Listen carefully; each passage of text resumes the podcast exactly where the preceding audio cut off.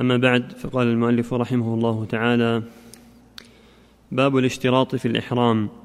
عن ابن عباس رضي الله عنهما أن ضباعة بنت الزبير قالت يا رسول الله إني امرأة ثقيلة وإني أريد الحج فكيف تأمرني أهل؟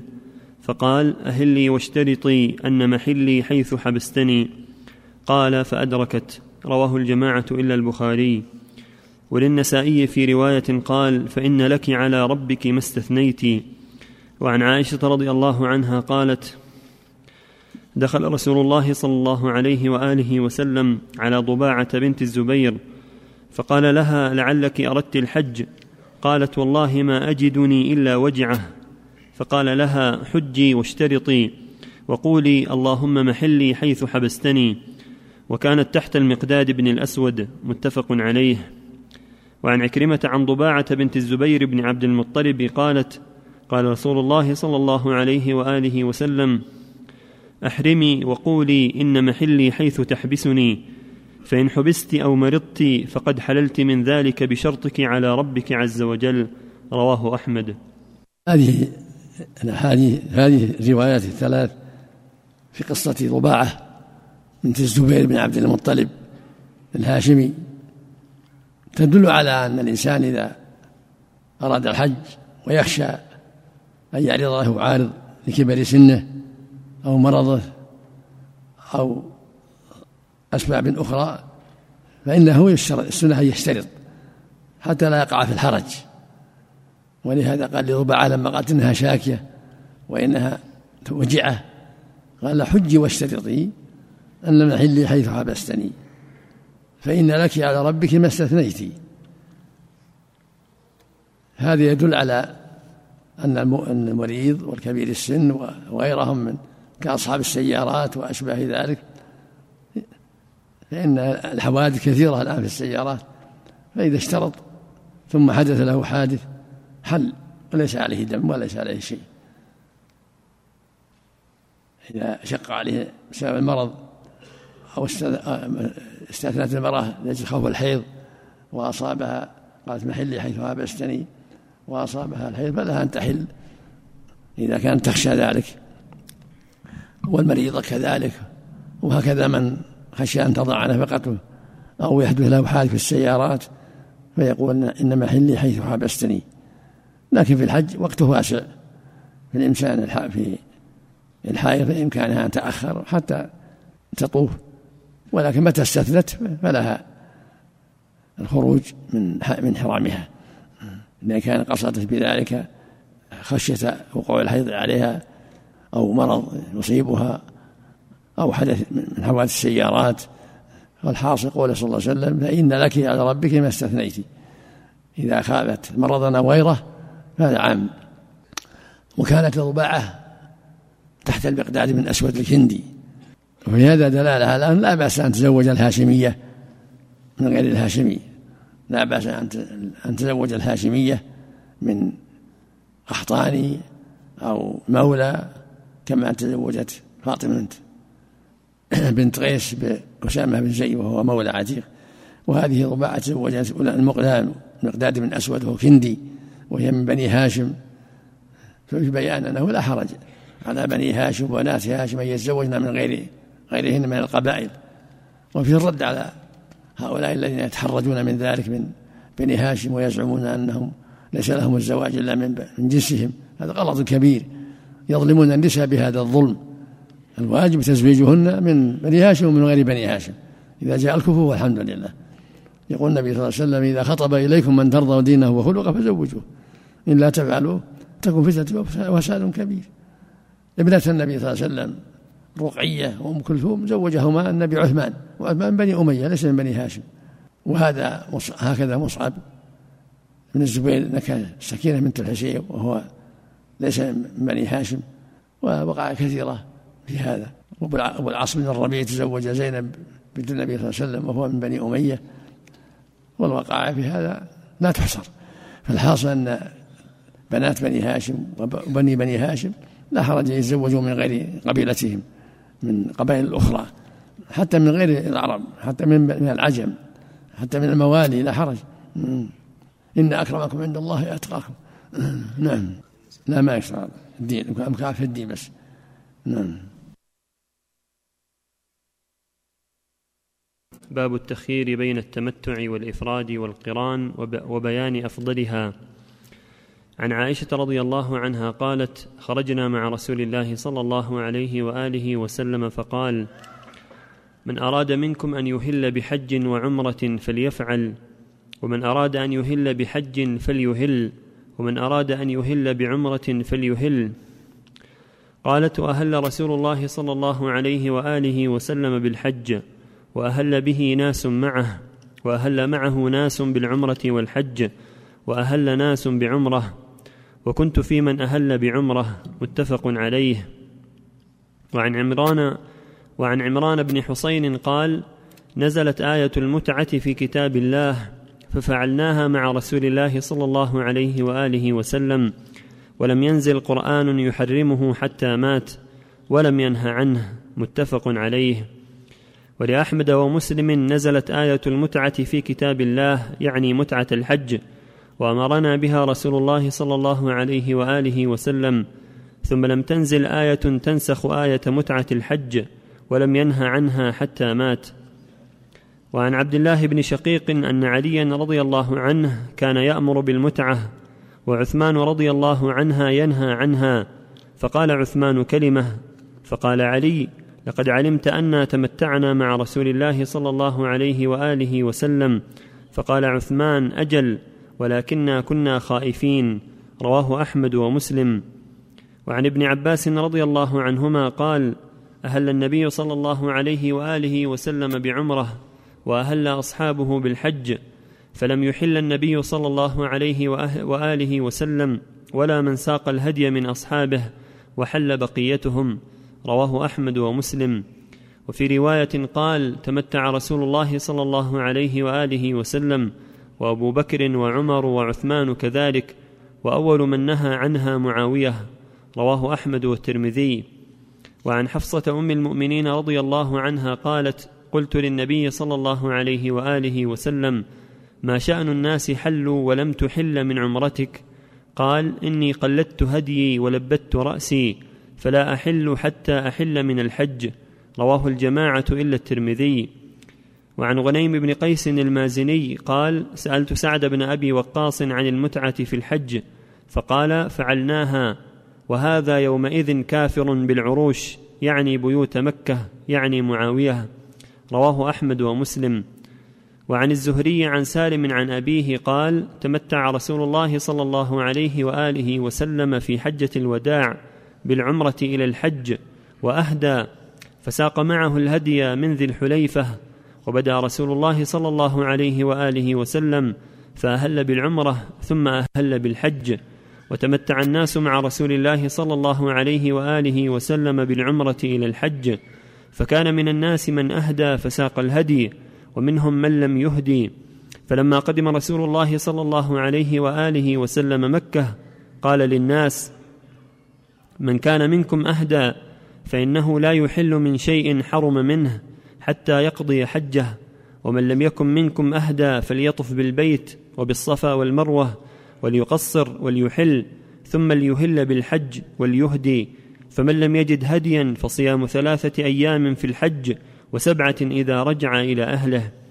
وطاف رسول الله صلى الله عليه وآله وسلم حين قدم مكة فاستلم الركن أول شيء ثم خب ثلاثة أشواط من السبع ومشى أربعة أطواف ثم ركع حين قضى طوافه بالبيت عند المقام ركعتين ثم سلم وانصرف. فأتى الصفا فطاف بالصفا والمروة سبعة أطواف ثم لم يحلل من شيء حرم منه حتى قضى حجه ونحر هديه يوم النحر وأفاض فطاف بالبيت ثم حل من كل شيء حرم منه. وفعل مثل ما فعل رسول الله صلى الله عليه وآله وسلم من, من أهدى فساق الهدي. وعن عروة عن عائشة مثل حديث سالم عن أبيه متفق عليه. وعن القاسم عن عائشة رضي الله عنها أن النبي صلى الله عليه وآله وسلم أفرد الحج رواه الجماعة إلا البخاري. وعن نافع عن ابن عمر رضي الله عنهما قال أهللنا مع رسول الله صلى الله عليه وآله وسلم بالحج مفردا رواه أحمد ومسلم. ولمسلم أن النبي صلى الله عليه وآله وسلم أهل بالحج مفردا. وعن بكر المزني عن أنس رضي الله عنه قال سمعت رسول الله صلى الله عليه وآله وسلم يلبي بالحج والعمرة جميعا. يقول لبيك عمرة وحجا. متفق عليه. وعن أنس أيضا قال خرجنا نصرخ بالحج فلما قدمنا مكة أمرنا رسول الله صلى الله عليه وآله وسلم أن نجعلها عمرة. وقال لو استقبلت من أمري ما استدبرت لجعلتها عمرة ولكن سقت الهدي وقرنت بين الحج والعمرة. رواه أحمد. وعن عمر بن الخطاب رضي الله عنه قال سمعت رسول الله صلى الله عليه وآله وسلم وهو بوادي العقيق يقول أتاني الليلة آت من ربي؟ فقال صل في هذا الوادي المبارك وقل عمرة في حجة. رواه أحمد والبخاري وابن ماجة وأبو داود. وفي رواية للبخاري وقل عمرة وحجة. وعن مروان بن الحكم قال شهدت عثمان وعليا وعثمان ينهى عن المتعة وأن يجمع بينهما فلما رأى ذلك علي أهل بهما لبيك بعمرة وحجة وقال ما كنت لأدعى سنة النبي صلى الله عليه وآله وسلم لقول أحد رواه البخاري والنسائي.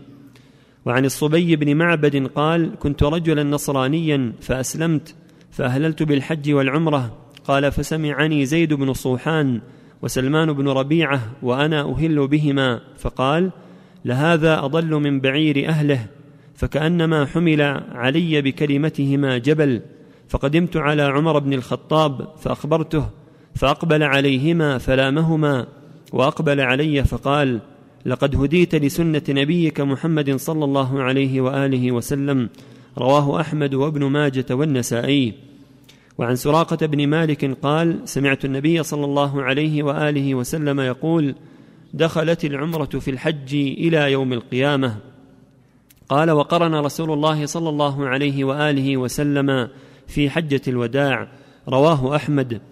وعن البراء بن عازب قال لما قدم علي من اليمن على رسول الله صلى الله عليه وآله وسلم قال وجدت فاطمة قد لبست ثيابا صبيغا وقد نضحت البيت بنضوح فقالت ما لك؟ إن رسول الله صلى الله عليه وآله وسلم قد أمر أصحابه فحلوا. قال قلت لها إني أهللت بإهلال رسول الله صلى الله عليه وآله وسلم. قال فأتيت النبي صلى الله عليه وآله وسلم فقال لي كيف صنعت؟ قال قلت أهللت بإهلال النبي صلى الله عليه وآله وسلم. قال فإني قد سقت الهدي وقرنت.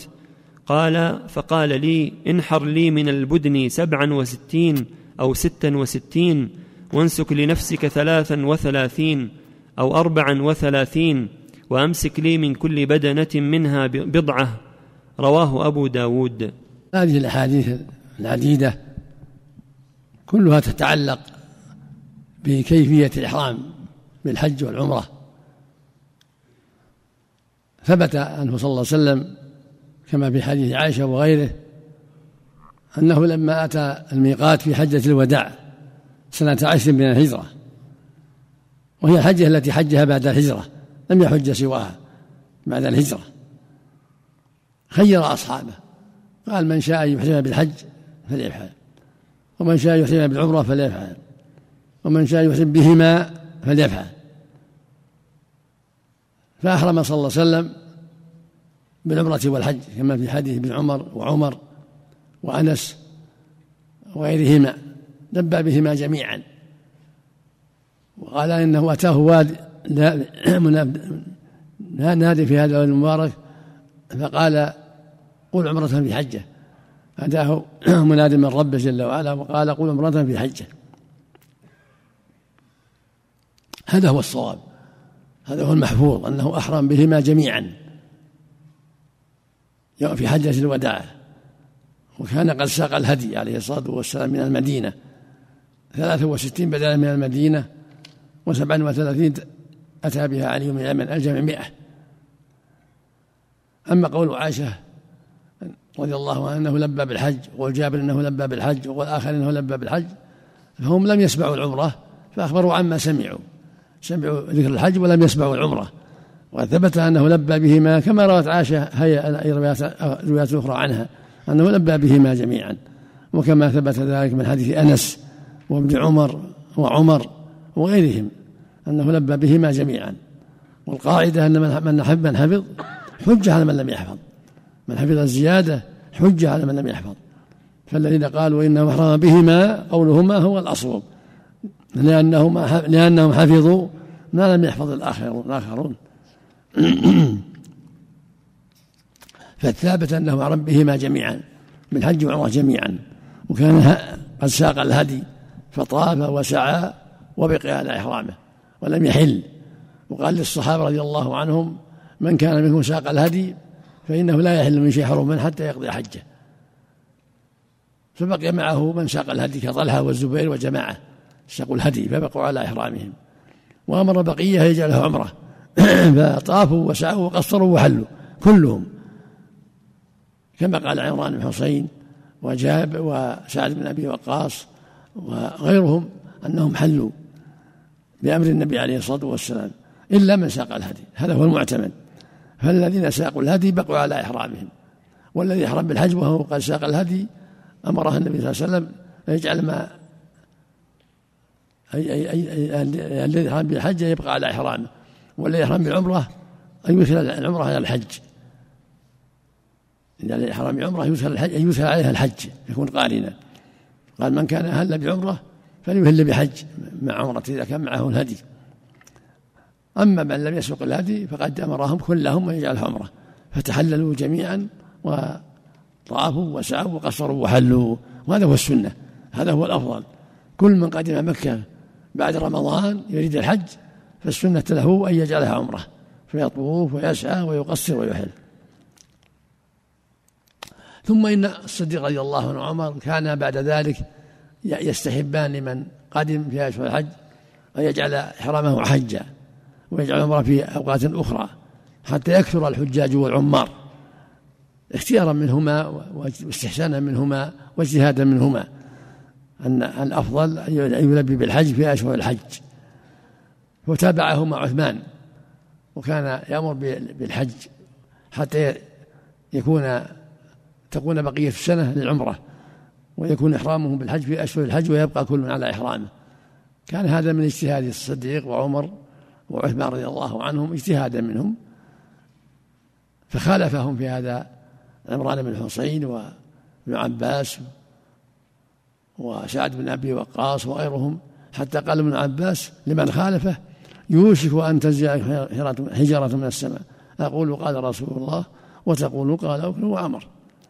فالصواب ما ما درج عليه النبي صلى الله عليه وسلم وما أمر به الصحابة وهو أن من قدم في اشهر الحج يلبي بالعمرة. وإن كان لبى بهما أو بالحج مفرد فليفسخ ويجعلها عمرة ما دام قدومه بعد رمضان للحج إلا من كان معه الهدي.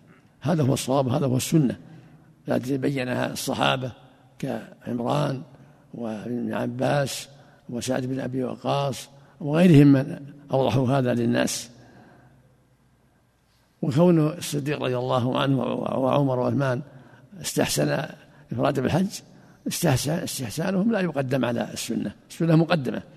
ولهذا قال علي رضي الله عنه لعثمان لا أدع السنة. وأحرم بهما جميعا. علي رضي الله عنه. العمرة والحج كما أحرم بهما النبي صلى الله عليه وسلم في حجة الوداع. وقول عثمان أن كنا خائفين هذا في عمرة الحديبية كانوا خائفين في الحديبية. أما بعد ذلك فكانوا في غاية من الأمن. أما عمرة الحديبية فكانوا خائفين وأحصروا عنها في الحديبية.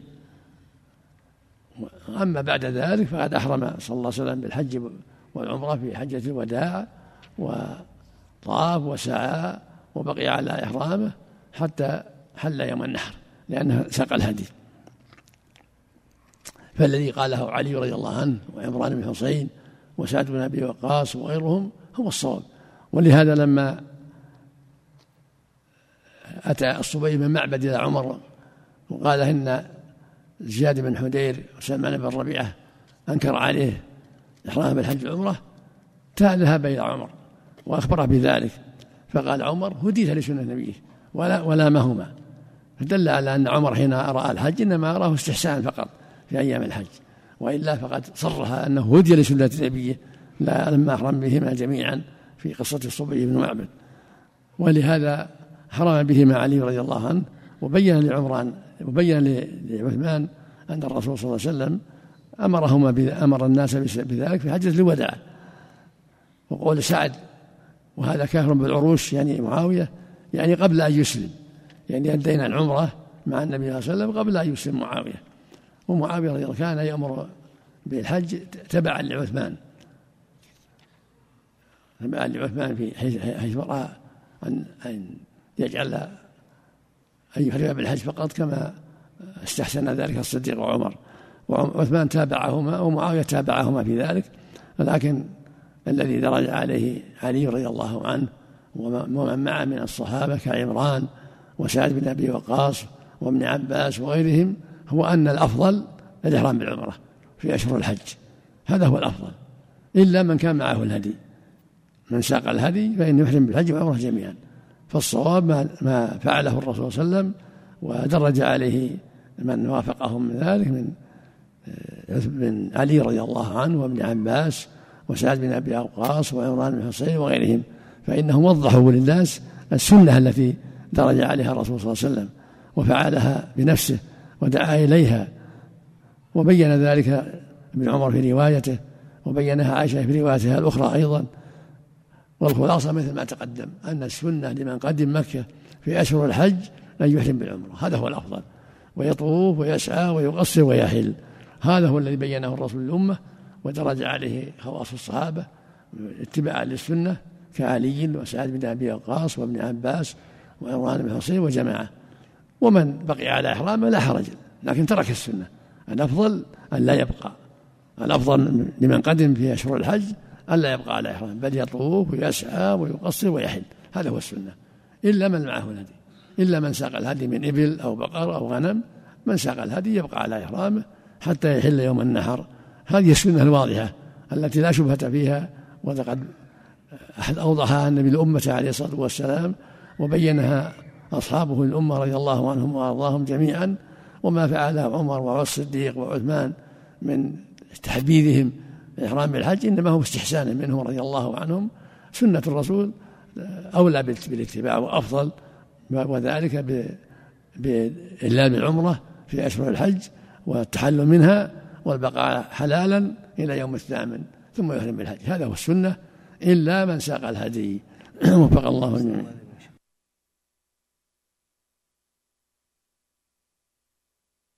أما بعد فقال المؤلف رحمه الله تعالى باب إدخال الحج على العمرة.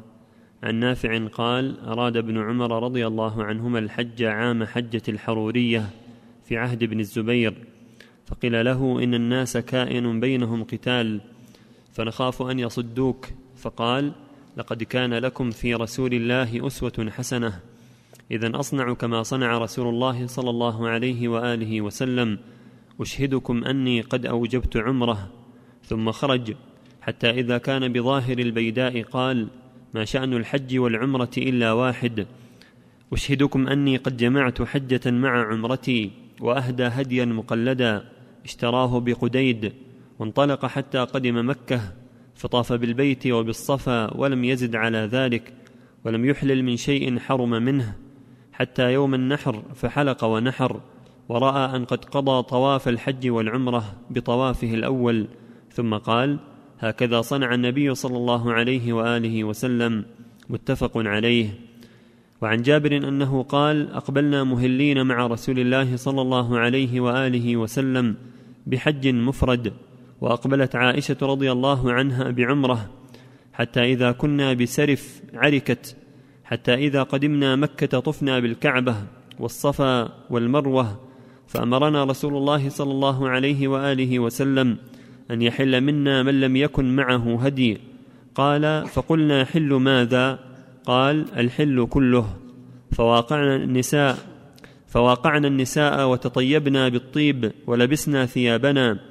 وليس بيننا وبين عرفة إلا أربع ليال ثم أهللنا يوم التروية ثم دخل رسول الله صلى الله عليه وآله وسلم على عائشة رضي الله عنها فوجدها تبكي فقال ما شأنك؟ قالت شأني أني قد حضت وقد حل الناس ولم أحلل ولم أطف بالبيت والناس يذهبون إلى الحج الآن.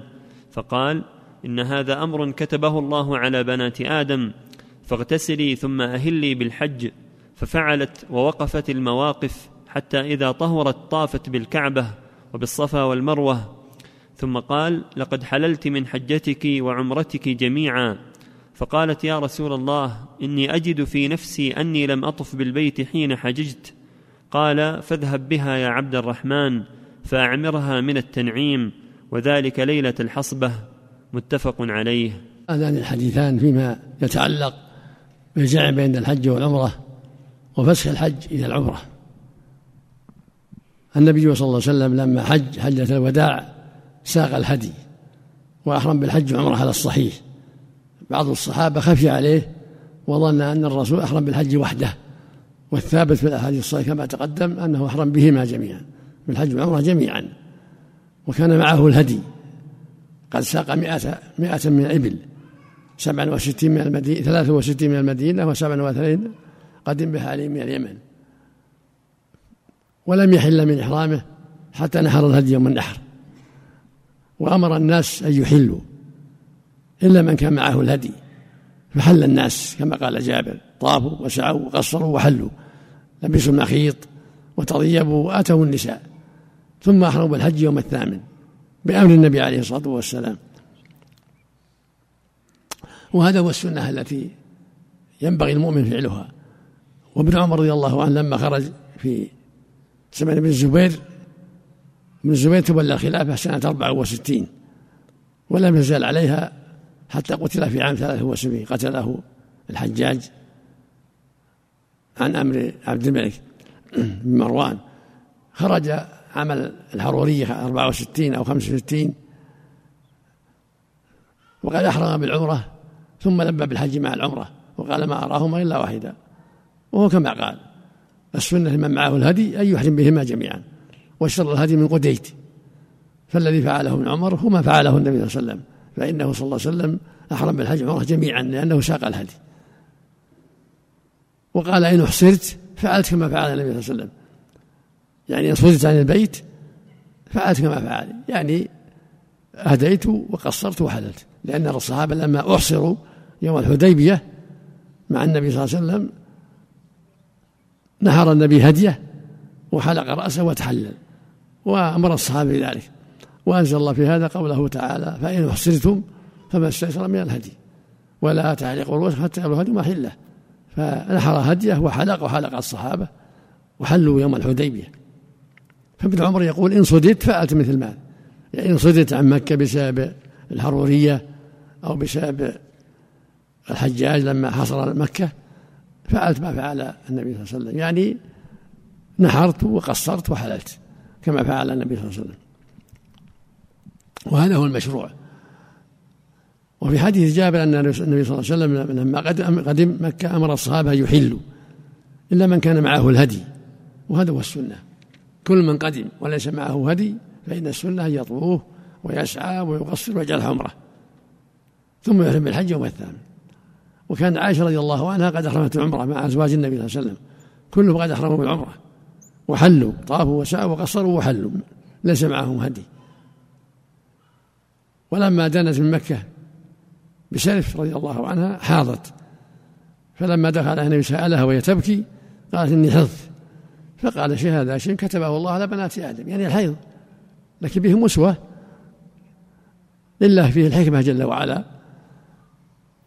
فأمرها أن تغتسل وأن تلبي بالحج مع العمرة. كما أمر أسماء في البيقات لما كانت نفسا أن تغتسل وتحرم.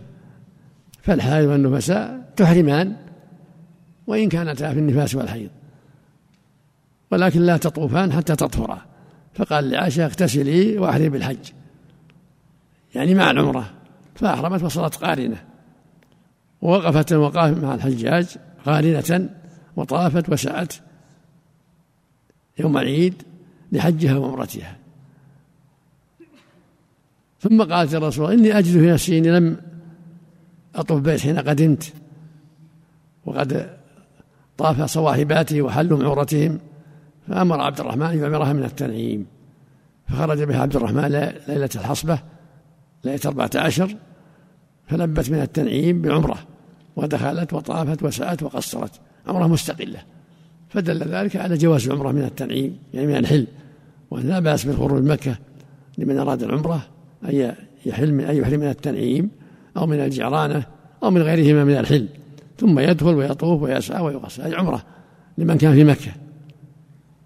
لا يحرم من مكة ولكن يخرج إلى الحل كما خرجت عائشة إلى الحل بأمر النبي عليه الصلاة والسلام. ولكن ما دام أدى الحج والقرآن كما فعل النبي صلى الله عليه وسلم فالأفضل لهم ترك ذلك. لأن الرسول والصحابة ما فعلوا هذا. اكتفوا بحجهم وعمرتهم ورجعوا إلى المدينة ولم يأتوا بعمرة جديدة. فهذا هو الأفضل. ولكن من أحب أن يأخذ عمرة جديدة وهو في مكة فلا بأس أن يخرج إلى التنعيم أو الجيرانة ويحرم بالعمرة ويدخل ويطوف ويسعى ويقصر كما فعلت عائشة بأمر النبي عليه الصلاة والسلام. وفق الله الجميع عن أنس قال قدم علي على النبي صلى الله عليه وآله وسلم من اليمن فقال بما أهللت يا علي؟ قال أهللت بإهلال كإهلال النبي صلى الله عليه وآله وسلم. قال لولا أن معي الهدي لأحللت. متفق عليه. ورواه النسائي من حديث جابر وقال فقال لعلي بما أهللت؟ قال قلت اللهم إني أهل بما أهل به رسول الله صلى الله عليه وآله وسلم. وعن أبي موسى قال قدمت على النبي صلى الله عليه وآله وسلم وهو منيخ بالبطحاء. فقال بما أهللت؟ قال قلت أهللت بإهلال النبي صلى الله عليه وآله وسلم. قال سقت من هدي؟ قلت لا. قال فطف بالبيت وبالصفا والمروة ثم حل. فطفت بالبيت وبالصفا والمروة ثم أتيت امرأة من قومي فمشطتني وغسلت رأسي. متفق عليه. وفي لفظ فقال كيف قلت حين أحرمت؟ قال قلت لبيك بإهلال كإهلال النبي صلى الله عليه وآله وسلم وذكره أخرجاه. باب التلبية وصفتها وأحكامها. عن ابن عمر رضي الله عنهما أن النبي صلى الله عليه وآله وسلم كان إذا استوت به راحلته قائمة عند مسجد ذي الحليفة أهل فقال لبيك اللهم لبيك لبيك لا شريك لك لبيك إن الحمد والنعمة لك والملك لا شريك لك. وكان عبد الله يزيد مع هذا لبيك لبيك وسعديك والخير بيديك والرغباء إليك والعمل متفق عليه. وعن جابر قال أهل رسول الله صلى الله عليه وآله وسلم فذكر التلبية مثل حديث ابن عمر؟ قال والناس يزيدون ذا المعارج ونحوه من الكلام والنبي صلى الله عليه وآله وسلم يسمع فلا يقول لهم شيئا. رواه أحمد وأبو داود ومسلم بمعناه. وعن أبي هريرة أن النبي صلى الله عليه وآله وسلم قال في تلبيته لبيك إله الحق لبيك رواه أحمد وابن ماجة والنسائي. وعن السائب بن خلاد قال قال رسول الله صلى الله عليه وآله وسلم أتاني جبريل فأمرني أن آمر أصحابي أن يرفعوا صوتهم بالإهلال والتلبية. رواه الخمسة وصححه الترمذي. وفي رواية أن جبريل أتى النبي صلى الله عليه وآله وسلم فقال كن عجاجا ثجاجا. والعج التلبية والثج نحر البدن رواه أحمد. هذان الحديثان الأولان حديث علي رضي الله عنه وحديث أبي موسى الأشعري رضي الله عنه كلاهما يدل على أنه لا بأس أن يحرم الإنسان بإحرام غيره. فيقول لبيك بما لبى به فلان أو لبيك بما أهل به فلان وينعقد إحرامه بذلك. فاذا لم يعلم جعلها عمرة. إذا كان في أيام الحج يجعلها عمرة. وإن كان علم فالحمد لله. لأن علي لبى بإهلال النبي وأقره النبي صلى الله عليه وسلم. وهكذا أبو موسى وجعل إحرامهما عمرة. لكن علي ساق الهدي فأمره أن لا يحل حتى ينحر لأنه قد ساق الهدي من اليمن. وأما أبو موسى فلم يقم معه هدي فأمره يطوف ويسعى ويتحلل. ولا ثم حل يعني ثم قصر فتحلل حلق قصر رأسه وتحلل. وكونه ذهب إلى بعض النساء فمشطته ما ما يمنع التقصير. قصر ثم مشطت رأسه. وهذه المرأة من محارمه من نسائه يعني من محارمه خالته أو عمته أو بنت أخيه أو نحو ذلك من محارمه. وهو دليل على أنه لا حرج أن يلبي الإنسان بمثل ما أهل به فلان فإن كان أهل بعمرة صار عمرة أهل بحج فهو بحج بهما بهما. لكن إذا كان أهل بغير عمرة فالأفضل يجعلها عمرة كما فعل كما قال النبي لأبي موسى. والنبي أهل بحج عمرة لكن لما كان أبو موسى لم يأتي لم يهدي أمرها النبي يجعلها عمرة. فيطوف ويسعى ويحل ويحل. أما من كان معه الهدي فإنه يبقى على إحرامه سواء بعمرة أو بحج أو بهما جميعا. لكن إذا كان بعمرة فالأفضل يدخل عليها الحج يصير قارنا. ويبقى حتى يحل منهما جميعا يوم النحر بعد النهر. والأحاديث الأربعة الأخيرة كلها تدل على شرعية التلبية وأنه يستحب للمحاجة يلبي. حديث ابن عمر وجابر وأبي هريرة والسائب كلها تدل على شرعية التلبية وأن المحرم يلبي من حين يحرم. فيقول أول لبيك عمرة كان عمرة أو لبيك حجا كان أحرم بحج أو بهما لبيك عمرة وحجا يرفع صوته بذلك كما فعل النبي. قال أنس كان سمعته يرفع صوت بذلك. سمعه الصحابة يرفع صوته بذلك. هذه السنة. يرفع صوته بإهلاله. كان بعمرة يقول اللهم لبيك عمرة. كان بحج لبيك اللهم لبيك حج. بعمرة وحج اللهم لبيك عمرة وحج يرفع صوته. والأفضل بعد ركوب الدابة أو السيارة. كما كان النبي عليه فإنه أهل بعد ما استوت به راحلته كما تقدم. ولا بأس أن يأتي بتلبية أخرى لأن الرسول سمعهم يلبون التلبيات الأخرى لا, لا بأس بها فأقرهم. لبيك ذا المعارج لبيك حقا حقا تعبدا ورقا. لبيك لبيك والرباء إليك والعمل كما قال من عمر. كل هذا لا بأس به. أما النبي النبي لزم تلبيته. عليه الصلاة والسلام. لبيك اللهم لبيك. لبيك لا شريك لك لبيك. إن الحمد والنعمة لك والملك لا شريك لزم التلبية حتى وصل إلى مكة. عليه الصلاة والسلام. وهو يلبي. ولم يزل يلبي حتى رمى جمرة العقبة. لأنه لم يحل من إحرامه. بسبب الهدي. وجاء عنه صلى الله عليه وسلم لبيك بقول لبيك إله الحق. لبيك اللهم لبيك. لبيك لبيك إله الحق. لبيك. هذا من تلبيته أيضا. وروي عنه أنه قال لبيك هذا المعارج. فلا بأس أن يزيد الإنسان بعض الشيء. يروى عن أنس أنه كان يقول لبيك حقا حقا تعبدا ورقة ابن عمر كان يزيد لبيك اللهم لبيك لبيك رب الرباء إليك والعمل.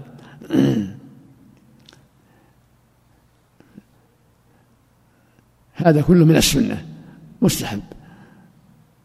فلو لو لو لم يلبي ليس عليه دم إنما هو سنة مشروع. أن يلبي كما لبى النبي عليه الصلاة والسلام. ومعنى لبيك يعني إجابة لك يا ربي إجابة لبيك يعني إجابة بعد إجابة. لبيك اللهم لبيك يعني إجابة بعد إجابة. هذا معنى لبيك. إذا قال الإنسان يا فلان فقال لبيك هذا معنى أجابة يعني لبيك يعني إجابة. فقول الملبي لبيك اللهم لبيك لبيك لا شريك لبيك أنا أجيب دعوتك إلى الحج والعمرة إجابة بعد إجابة. وفق الله الجميع تزيين الصوت بالتلبية نعم؟ تزيين الصوت بالتلبية أحسن. أخشى للقلوب. نعم. نعم. لزوم تلبية النبي أفضل. كون يزل تلبية النبي أفضل. صلى الله عليه وسلم.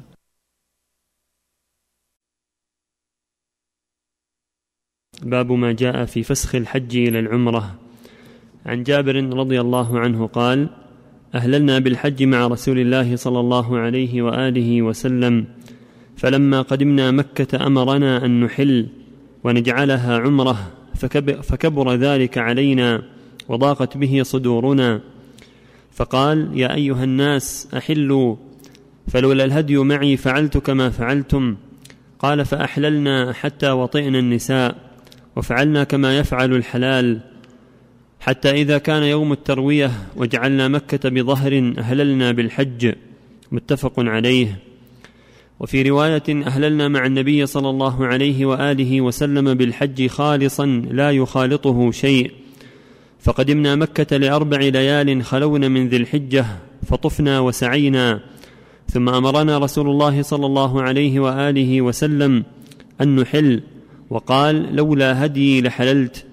ثم قام سراقة بن مالك فقال يا رسول الله أرأيت متعتنا هذه لعامنا هذا أم للأبد؟ فقال رسول الله صلى الله عليه وآله وسلم بل هي للأبد. رواه البخاري وأبو داود ولمسلم معناه. وعن أبي سعيد قال خرجنا مع رسول الله صلى الله عليه وآله وسلم ونحن نصرخ بالحج صراخا فلما قدمنا مكة أمرنا أن نجعلها عمرة إلا من ساق الهدي. فلما كان يوم التروية ورحنا إلى منى أهللنا بالحج رواه أحمد ومسلم. وعن أسماء بنت أبي بكر رضي الله عنهما قالت خرجنا محرمين. فقال رسول الله صلى الله عليه وآله وسلم من كان معه هدي فليقم على إحرامه ومن لم يكن معه هدي فليحلل. فلم يكن معي هدي فحللت وكان مع الزبير هدي فلم يحلل. رواه مسلم وابن ماجه. ولمسلم في رواية قدمنا مع النبي صلى الله عليه وآله وسلم مهلين بالحج. وعن الأسود عن عائشة قالت خرجنا مع النبي صلى الله عليه وآله وسلم ولا نرى إلا أنه الحج. فلما قدمنا تطوفنا بالبيت وأمر النبي صلى الله عليه وآله وسلم من لم يكن ساق الهدي أن يحل محل من لم يكن ساق الهدي ونساؤه لم يسقنا فأحللنا قالت عائشة فحطت فلم أطف بالبيت وذكر قصتها متفق عليه. وعن ابن عباس رضي الله عنهما قال كانوا يرون العمرة في أشهر الحج من أفجر الفجور في الأرض ويجعلون المحرم صفر ويقولون إذا برأ الدبر وعفى الأثر وانسلخ صفر حلت العمرة لمن اعتمر. فقدم النبي صلى الله عليه وآله وسلم وأصحابه صبيحة رابعة مهلين بالحج فأمرهم أن يجعلوها عمرة. فتعاظم ذلك عندهم فقالوا يا رسول الله أي الحل؟ قال حل كله. متفق عليه.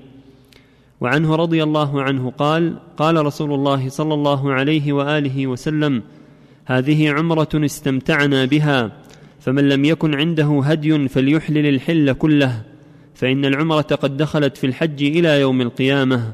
رواه أحمد ومسلم وأبو داود والنسائي. وعنه أيضا أنه سئل عن متعة الحج فقال أهل المهاجرون والأنصار وأزواج النبي صلى الله عليه وآله وسلم في حجة الوداع وأهللنا. فلما قدمنا مكة قال رسول الله صلى الله عليه وآله وسلم اجعلوا إهلالكم بالحج عمرة إلا من قلد الهدي. فطفنا بالبيت وبالصفا والمروة وأتينا النساء ولبسنا الثياب وقال من قلد الهدي فإنه لا يحل له حتى يبلغ الهدي محله. ثم أمرنا عشية التروية أن نهل بالحج وإذا فرغنا من المناسك جئنا فطفنا بالبيت وبالصفا والمروة فقد تم حجنا وعلينا الهدي. كما قال الله تعالى فما استيسر من الهدي فمن لم يجد فصيام ثلاثة أيام في الحج وسبعة إذا رجعتم إلى أمصاركم. رواه البخاري. هذه الأحاديث المتعددة حديث جابر وسراقة بن مالك وأبي سعيد وابن عباس وعائشة وأسماء بنت أبي بكر كلها تدل على معنى واحد وهو أنه صلى الله عليه وسلم في حجة الوداع أمرهم أن يجعل عمرة أمر من, حج من أحرم بالحج أو بالحج وعمره أن يجعل إحرامه عمرة إلا من ساق الهدي فإنه يبقى على إحرامه وإذا كان هل بعمرة يدخل عليها الحج ويكون قارنا وكان النبي صلى الله عليه وسلم أحرم بالحج والعمرة جميعا. وبقي على إحرامه لأنه ساق الهدي. يعني ساق إبلا من من المدينة. الهدي إما إبل أو بقرة أو غنم هذا الهدي. والنبي ساق إبلا من المدينة. فبقي على إحرامه حتى حل يوم النحر. وقال للناس عند الميقات من شاء هل بحج ومن شاء أهل بعمرة ومن شاء أهل بحج عمرة. فلما وصلوا إلى مكة قال لهم اجعلوها عمرة إلا من ساق الهدي. قالوا يا رسول الله أي الحل؟ قال الحل كله. يعني حلا كاملا. فطافوا وسعوا وقصروا وحلوا. حلا كاملا. تطيبوا وآتوا النساء ولبسوا المخيط. قال له سراقة بن مالك الجعشم يا رسول الله أرأيت عبرة هذه؟ لعامنا هذا أم للأبد؟ قال بل للأبد. دل على أنها شريعة محكمة. إلى يوم القيامة. من أتى مكة فإن السنة أن يجعل إحرامه عمرة إلا من ساق الهدي. إذا كان بعد رمضان في أشهر الحج يلبي من الميقات بالعمرة فإن لبى بهما أو بالحج جعله عمرة. هذا هو السنة إلا من ساق الهدي. إبلا أو بقرا أو غنما ولو واحدة ولو ناقة واحدة أو بقرة واحدة أو أو شاة واحدة. ساقها من بلده أو من الطريق. فإنه يبقى على إحرامه حتى يحل يوم النحر. وكان أزواج النبي صلى الله عليه وسلم أحرموا بالعرة فحلوا. إلا عائشة أهل لم تحل؟ لأنها حاضت عند دخول مكة في فقال فأمرها النبي أن تبقى على إحرامها حتى تطهر وتطوف فبقيت على إحرامها وأمرها أن تهل بالحج. وتكون قارنة. فأحرمت بالحج وصارت قارنة وحجت مع النبي صلى الله عليه وسلم قارنة. فلما طافت بعد بعد الحج وسعت قال لها صلى الله عليه وسلم طواف بالبيت وبين الصلاة يكفيك لحجك وعمرتك لأنها صارت قارنة. ثم طلب منه أن يعمرها بعد الحج فأمرها من التنعيم بعد الحج. أمر أخاه عبد الرحمن يعمرها من التنعيم عمرة مستقلة. وفي حديث ابن عباس الدلالة على أن الجاهلية كانوا يرون العمرة في أشراج من أفجر الفجور. أهل الجاهلية عندهم جهل كبير أعظمه الشرك بالله عز وجل. وكانوا يرون العمرة في أشهر الحج من أفسد الفجور. ويقولون إذا برأ الدبر وعفى الأثر وانسلخ صفر حلت العمرة لمن اعتبر. بهذه السجعة. ويجعلون المحرم صفر ويؤجلون المحرم. يغيرون الشهور. فيجعلون صفر يجعل المحرم صفر فإذا انسلخ تحلت العمرة بعد ذلك. وعفى الأثر يعني عفى الطريق من الحجاج. وعفى الدبر ما يكون في الجمال من الجراحات بسبب الشد عليها. وقت الحج فإذا برئت وانسلخ صفر وعفى الأثر اعتمروا. هذا من جهلهم هذه من جهالاتهم. فخالفهم النبي صلى الله عليه وسلم وأمر بالعمرة في اشهر الحج خلافا لهم خلافا للجاهلية. فدل ذلك على أن العمرة في ذي القعدة أو في شوال أفضل خلافا للجاهلية. فإذا جاء في شوال أو في ذي القعدة أو في أو ذي الحجة فإنه يطوف ويسعى ويقصر ويحل. ويجعلها عمرة خلافا للجاهليه إلا من كان معه الهدي فإنه يبقى على إحرامه. وفي حديث ابن عباس أنهم طافوا وسعوا وقصروا وحلوا من عمرتهم. ثم طافوا بالحج يوم الثامن وطافوا وسعوا بعد الحج لحجهم. فدل ذلك على أن المتمتع عليه سعيان. السعي الأول للعمرة مع طوافها والسعي الثاني للحج مع طواف الحج. كما دل عليه ابن عباس هذا وحديث عائشة أيضا في حديث آخر عن عائشة أن الذين حلوا طافوا بالبيت وبالصلاة لحجهم ثم طافوا بالصلاة مرة طافوا البيت بالصلاة لعمرتهم ثم طافوا بالبيت بالصلاة لحجهم. ولو ولو أحرم بالعمرة ومعه الهدي فإنه يلبي بالحج حتى يكون قارنا. إذا ساق الهدي وقد لبى بالعمرة يدخل عليها الحج ويقول لبيك حجا ولو في أثناء الطريق ويكون قارنا حتى يحل يوم النحر من عمرته وحجه جميعا. وفق الله الجميع.